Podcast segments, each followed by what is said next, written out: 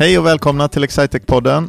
Jag som pratar heter Johan Kallblad och jag jobbar som VD på Excitec. Och vi på Excitec är ett lösningslevererande konsultföretag som försöker göra vardagen effektivare, enklare och roligare till våra kunder genom att ge dem bästa möjliga IT-stöd för sin verksamhet. Och de som är gäster på den här podden då, det är för det mesta kollegor till mig, alltså vår personal här på Excitec eller någon vän eller samarbetspartner till oss eller någon kund. Och eh, idag så ska vi göra ett försök med ett avsnitt som vi, som vi inte har gjort eh, förut. Jag har bjudit in eh, en eh, helt extern människa och vän som heter Karin Hagman. Hej. Hej, hej Karin. Eh, hej. Hur känns det att vara med och podda? Du är dessutom med på över, över telefoner så vi hoppas att det låter, eh, att det låter okej. Okay. Var är du vi, någonstans? Vi får se hur det går.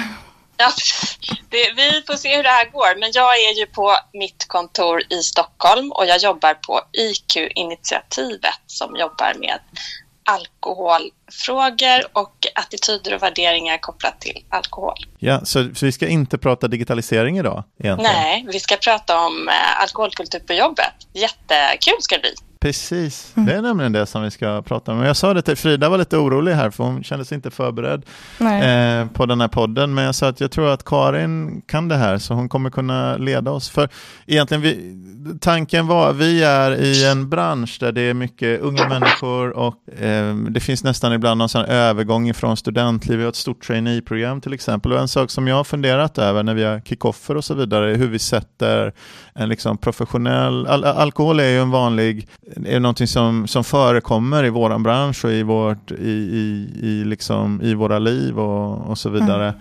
och är förenat med fest och så vidare och att fira saker. Men, men eh, hur, vi ska, hur vi ska jobba egentligen för att, för att vara bra föredömen innan vi kopplat till att vi till exempel tar in 35 personer direkt från universitetet och sådär. Så lite så tänkte jag, så träffade jag Karin och så tyckte jag det här är ett intressant ämne. Men jag vet inte riktigt hur vi ska börja. Hur brukar man börja? Nej, men jag tänkte så här. Kan inte ni berätta eh, om ni har en alkoholpolicy eller inte? Har vi någon alkoholpolicy? För Policies är väl inte riktigt det vi har jättemycket av, va? Nej, jag... Nej, men har ni några riktlinjer eller sådär? Eller hur, hur vet man hur mycket man får dricka hos er när det är fest? Får man ringa till Emma Billenius nu? ja, ja, vi skulle behöva ringa till vår, vår chef. Jag, tror inte, jag skulle nog säga att vi inte har någon eh, uttalad policy. Den enda delen som vi har som chefer har vi en policy. Alltså vi har skrivit att vi ska verka för en, en sunt brukande. Men vad det innebär, eh, det vet vi inte riktigt. Men vi har sagt att företaget ska inte uppmuntra. Så vi har liksom sett begränsningar ungefär att mm. två stycken, att när vi har företagsevent så bjuder företaget på två eh, ja. drinks liksom. Och sen Men har då, sagt... då har ni något som ni utgår ifrån. För det som jag tänker på när du säger så här att ni har många som kommer direkt från studentlivet, då tänker jag också att er arbetsplats, det blir väldigt viktigt med så här, eh, identifikationen med jobbet och man kanske liksom kommer dit och det blir som en fortsättning av ett studentliv nästan och särskilt tänker jag om man är trainee. Så då blir det så otroligt viktigt eh, att, man, att man vet så här, vad gäller här. För att, det, för att förstå hur man dricker och varför man dricker så måste man också förstå liksom, människan och hur vi är skapade. Och vi tror ju att vi är så himla smarta och vi gör egna val och vi vet vad vi håller på med. Men så är det ju inte, utan vi är ju flockdjur som vill bli omtyckta av andra och vi anpassar oss otroligt mycket. Och särskilt på arbetsplatsen eh, och särskilt när man är ung. Eh, det är bara så som det är. Det tycker jag är väldigt eh, intressant. Och man vill ju också som arbetsgivare tänka också skapa lojalitet och ha kul på jobbet och eh, gränsen mellan fritid och arbete kanske inte alltid är så tydlig. Eh, och då blir de här frågorna ganska viktiga därför att eh, till slut kan det här festandet med jobbet eh, ta för stort fokus. Mm. Och, så därför tyckte jag det var roligt att vara med er idag och prata om det här. Sen vill jag inte liksom, sätta er... Ni behöver inte stå till svars för mig. Det känns ju som att ni har en plan och jag vill ju absolut inte moralisera. Det är ju mitt viktigaste uppdrag. Utan vi, man, vi kan, man får gärna säkert... dricka och ha kul. Vi, vi, kan säkert behöva lite moralkakor, det är inget som vi inte har förtjänat. Men, men vad heter det, är det för vi har sagt att när vi gör företagsgrejer så bjuder vi på två, eh, en, eh, men det är inte sådana där units med liksom två glas vin eller två, eh, två eller så här. Det är, våran, det är den dimensioneringen vi gör för vi vill inte liksom uppmuntra för mycket. Men sen tillåter vi ju alla att göra precis som de, som de vill. Och sen har vi också sagt till alla chefer att om vi har någon alkoholrelaterad incident så ska vi ta ett samtal direkt dagen efter. Eller liksom mm. helst eh, mm. då, men direkt dagen efter så att vi har en sån, att det är en uppföljning direkt när något sånt händer. Men det är egentligen det enda. Men jag, jag vet inte ifall det är någon uttalad grej eller ifall jag bara upplevt det. Men på de kickoffer och eh, företagsevent vi, jag, som jag har varit på sen jag började, då har det alltid varit några personer som har varit utsedda, vet inte, trygghetspersoner eller någon typ av person eh, som man kan vända sig till. Så att man alltid vet liksom vem, mm. vem man kan gå till om det skulle vara någonting. Ja, men det låter ju som en superbra grej. För en annan sak är ju liksom att eh, det som ni är inne på, det är ju chefen och ledarnas roll i det här. Att liksom, hur otroligt viktig man är som förebild. Alla andra på företaget, de kommer göra som du gör Johan. Om du super dig jättefull på företagsfesterna och eh, beter dig illa, då sätter du en kultur där alla andra också kommer känna att ja, men det är det som gäller här för att vara med så kommer jag också, jag vill också att jo, göra som Johan gör eller som min chef gör. Mm. Eh, så där är det superviktigt med som chef att man är man är en företrädare, mm. man ska stå för det som är bra, man ska se alla medarbetare. Och när ni har fester och sådär, gör också roliga saker. Fokusera inte så mycket på vad ni ska dricka, utan gör roliga aktiviteter och grejer som alla kan vara med på. För alkohol kan också vara, bli ganska exkluderande om man inte liksom vill bli full. Vi har ju undersökningar till exempel eh, om hur det är med after work. Eh, och många tycker ju att det är lättare att in, om man inte vill dricka, då är det lättare att inte gå på en afterwork än att gå dit och inte dricka alkohol. Därför mm. att då känner man så här, nej, nu kliver jag ur flocken och nu blir jag konstig här. Eh, så därför är det otroligt viktigt att de som arrangerar festen ser till liksom att ja, men det är inte fokus på alkohol, utan det är fokus på det kul vi ska ha. Den, den är, det är intressant. Vi, vi har tänkt eh, ett tag, nu du är inte du, eh, det, det, är en skön grej tycker jag med er på IQ att ni pratar ju inte så mycket om att eh, det är inte det här liksom total av, så, av, avhållsamhet och om du blir gladare om du dricker någonting då är det tolvstegsprogrammet nästa liksom för det är en sjukdoms eh, signal. Men, men för vi har ju pratat en, ganska många gånger eh, framförallt jag och Emma, vår HR-chef, vi har sagt att vi skulle vilja ha en helt alkoholfri kick-off. Mm. Men eh, det blir när, när vi har, vi har man provtrycker den idén lite grann och smiter ut den och det blir ganska mycket, eh, vi får ganska mycket mothugg då. Eh, mm. och, och, och, jag vet inte hur jag ska se på det, för å ena sidan så tycker jag också att alkoholgrejen är ju en del av, av fest och sådär. Sen vill jag ju kunna vara men jag vet inte om jag, om jag liksom går över gränsen och att jag blir den moraliserande om jag säger att, mm. vi ska, att det ska vara helt eh, alkoholfritt. Och, mm. Det är jättesvårt att prata om alkohol och allt omkring det utan att vara moraliserande och ha liksom sin egen åsikt i det. Mm. Var, du någon, mm. vet du, brukar, brukar företag göra alko helt alkoholfria kickoffer till exempel? Är det något som du skulle... Ja, det tror jag, men kanske jag tänker också att ni är en bransch där det är mycket eh, liksom, alkohol eh, och då kanske det är svårare, men det beror på vad man ska göra. Jag tycker också man ska, så här, när man ska ha kickoffer och så, men fråga personalen vad de vill göra. De kanske vill sticka ut på något vildmarksäventyr eller klättra eller vad vet jag. Det behöver inte vara så i mallen som det alltid har varit. Eh, och väldigt många tycker inte att alkohol, man behöver inte ha alkohol på jobbets julbord till exempel. Men däremot tror man som eh, chef att så men det måste vi ha, det tillhör traditionerna. Och, eh, alla kommer bli så besvikna eh, om vi inte är det. Men jag har varit på arbetsplatser där man plockat bort alkoholen när det varit för mycket problem. Mm. Och då blev det som en lättnad. Eh, och jag tänker också i mitt liksom, arbetsliv att så här, ganska många gånger så har det blivit ganska jobbigt med fulla killar på jobbfester. Och det kan vara skönt att slippa faktiskt. Okay. Gör något roligt istället. Så... Men eh, sen så är det klart så här, nej men om det blir jättetrevligt att gå och ta en öl sen när vi har jobbat klart efter dagen, nej men gör det då. Eh, men se till att alla har det bra. Mm. Eh, och om man tittar på så förväntan att dricka i eh, sociala aktiviteter med jobbet och så, så är det över 90 procent av unga vuxna mellan 18 till 34 år som upplever att det finns en förväntan. Jag ska dricka för att vara med i gruppen.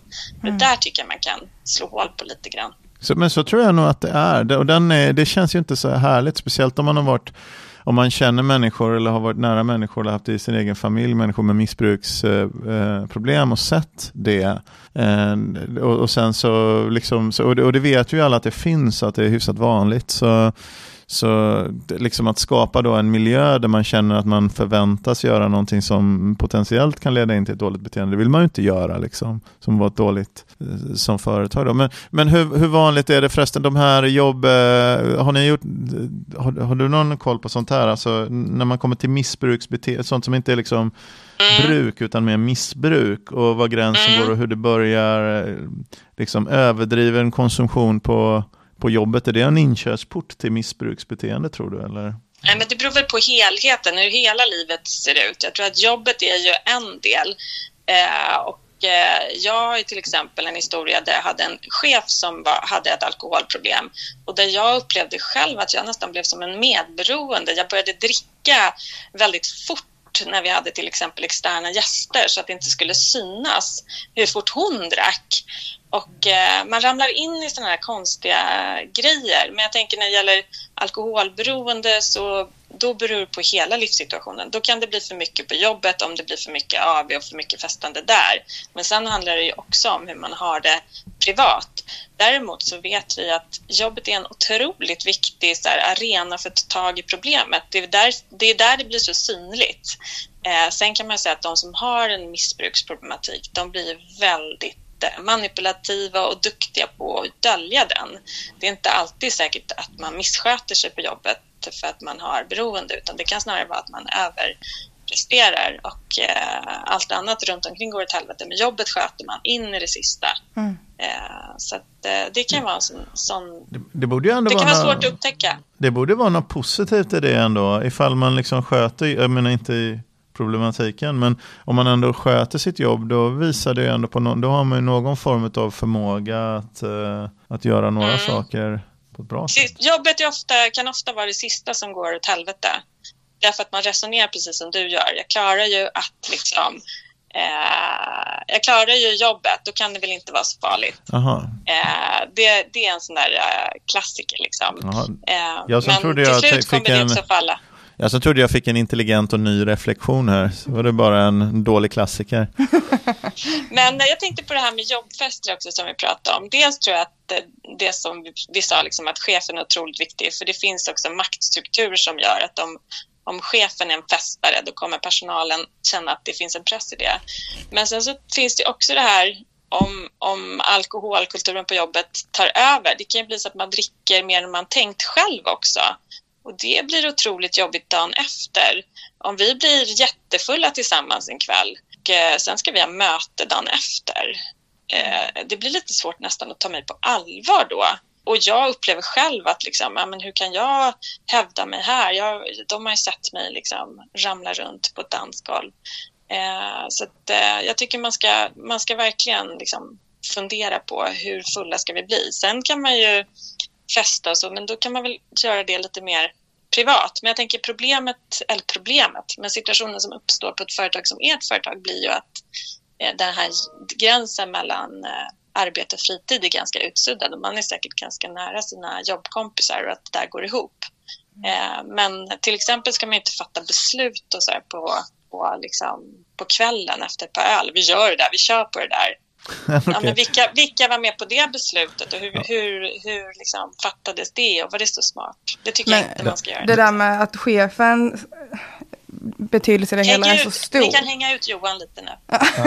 här, på tidigare arbetsplats jag har haft så har det ändå varit sådär att man känner en viss jag vill inte säga tvång att dricka och ändå bli lite bakis, för det är något litet härligt i det där, man får ändå vara med mm. i gruppen på ett sätt som, som man, man, vill ju vara med, man vill ju vara med i gruppen och speciellt när det är en arbetsplats där det är väldigt, väldigt, väldigt eh, mycket mer killar. Eh, mm.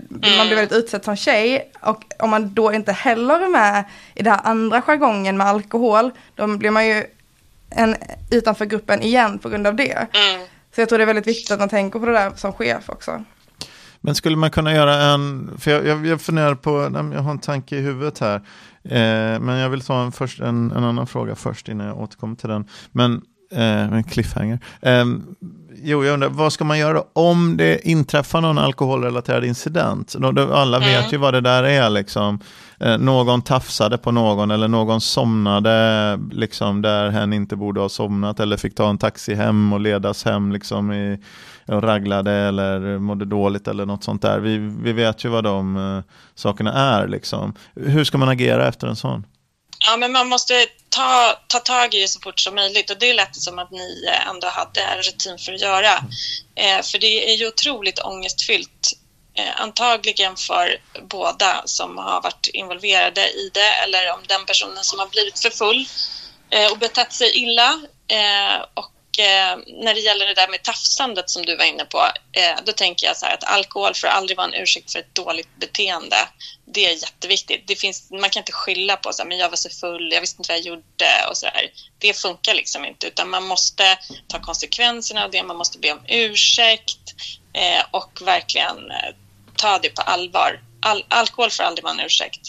Eh, och sen så kan det vara massa saker som har gått eh, fel när någon har blivit för full. Men ta tag i det eh, direkt eh, och ta hand om den som det har hänt med kärlek. Därför att antagligen så har den personen otroligt mycket ångest över det här. Känner att den har gjort bort sig och kommer inte vilja gå till jobbet och sådär. Utan fokusera på så här, men vad lär vi oss av de här erfarenheterna? Hur ska du göra nästa gång? Kan jag vara ett stöd? Eh, och hur, hur kan vi tillsammans gå vidare utifrån det här?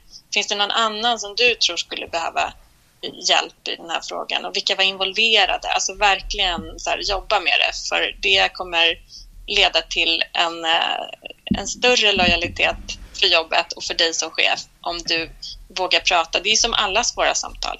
Nej, men jag fick en fundering. Så, så jag har skrivit ner tre saker, men så, har jag en liten, och så fick jag en liten idé. Men det första var så dina, något som för att, att ta med oss, liksom, nummer ett, eh, tänk på chefens beteende. Eh, att chefen är föredömet och att chefen måste, det är en del i ledarskapet är ju att vara ledare även när man inte utför arbetsuppgifter. Eh, om, om det är i samband med arbetsplatsen. Så chefens beteende nummer ett. Nummer två, när du sa policy, jag tycker policy är alltid, det är inte ett av mina favoritord egentligen med policy och riktlinjer. Men, men egentligen, du sa fundera på hur fulla vi ska bli.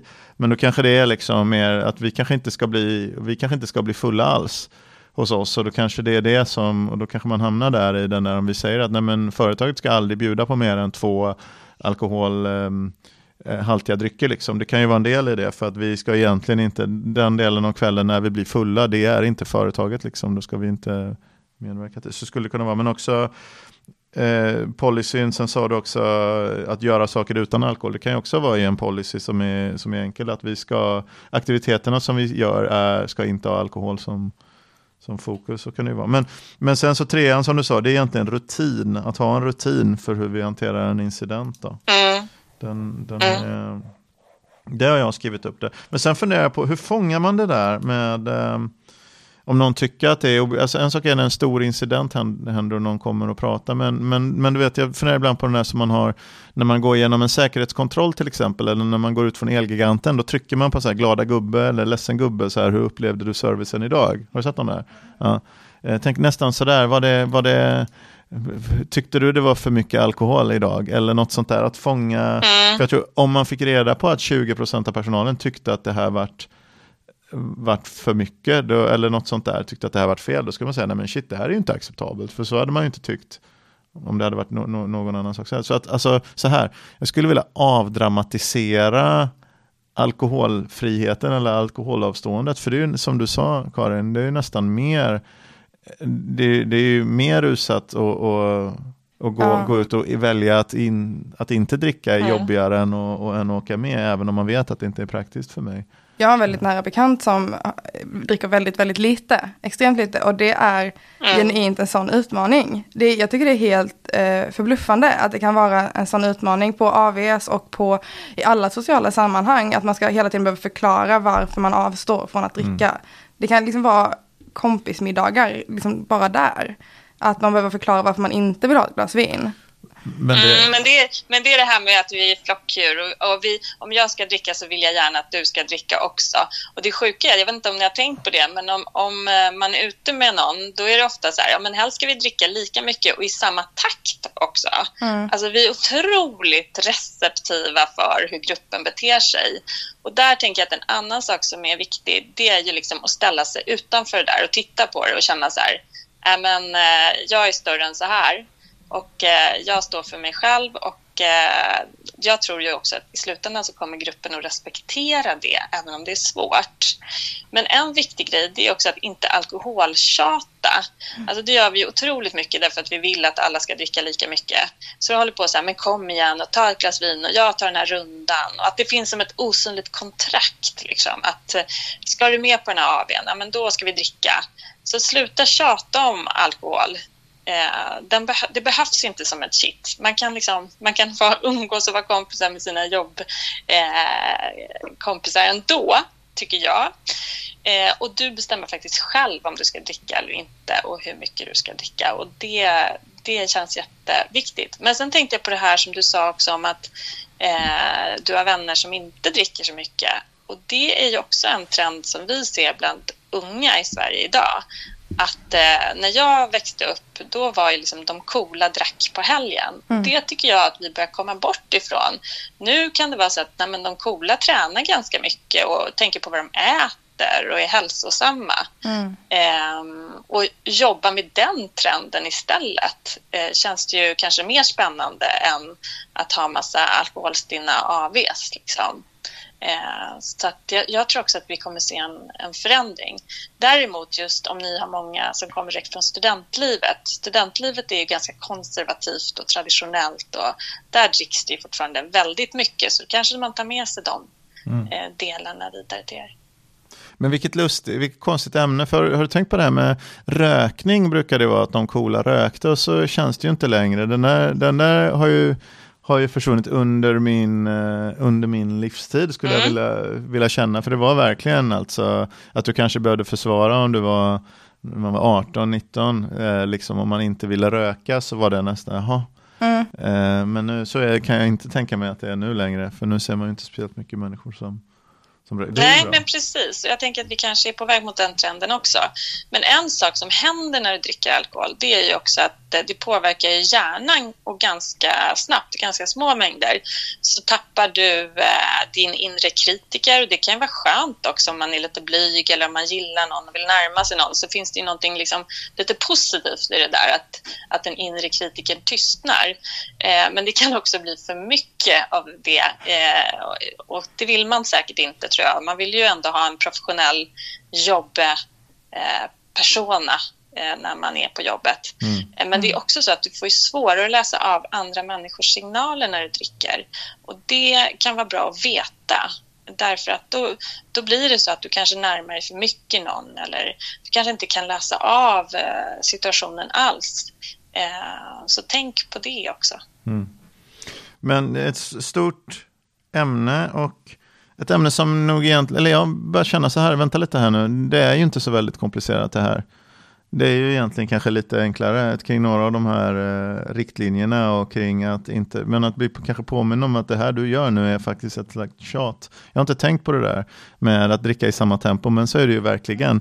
Om, den, om den liksom, man vill ta andra rundan, så men ska du dricka upp någon gång då så jag kan, visst det är ju jättekonstigt, så gör man ju inte i nästan någonting eh, annat som man gör. Så, så egentligen är det kanske inte så svårt det här. Det är en slags rutin och ett beteende som vi, som vi, vi kanske gör det svårare än vad det är.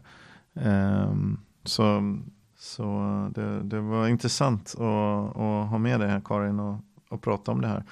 Jag vet inte om det blev en typisk Excitec-podd av det här däremot.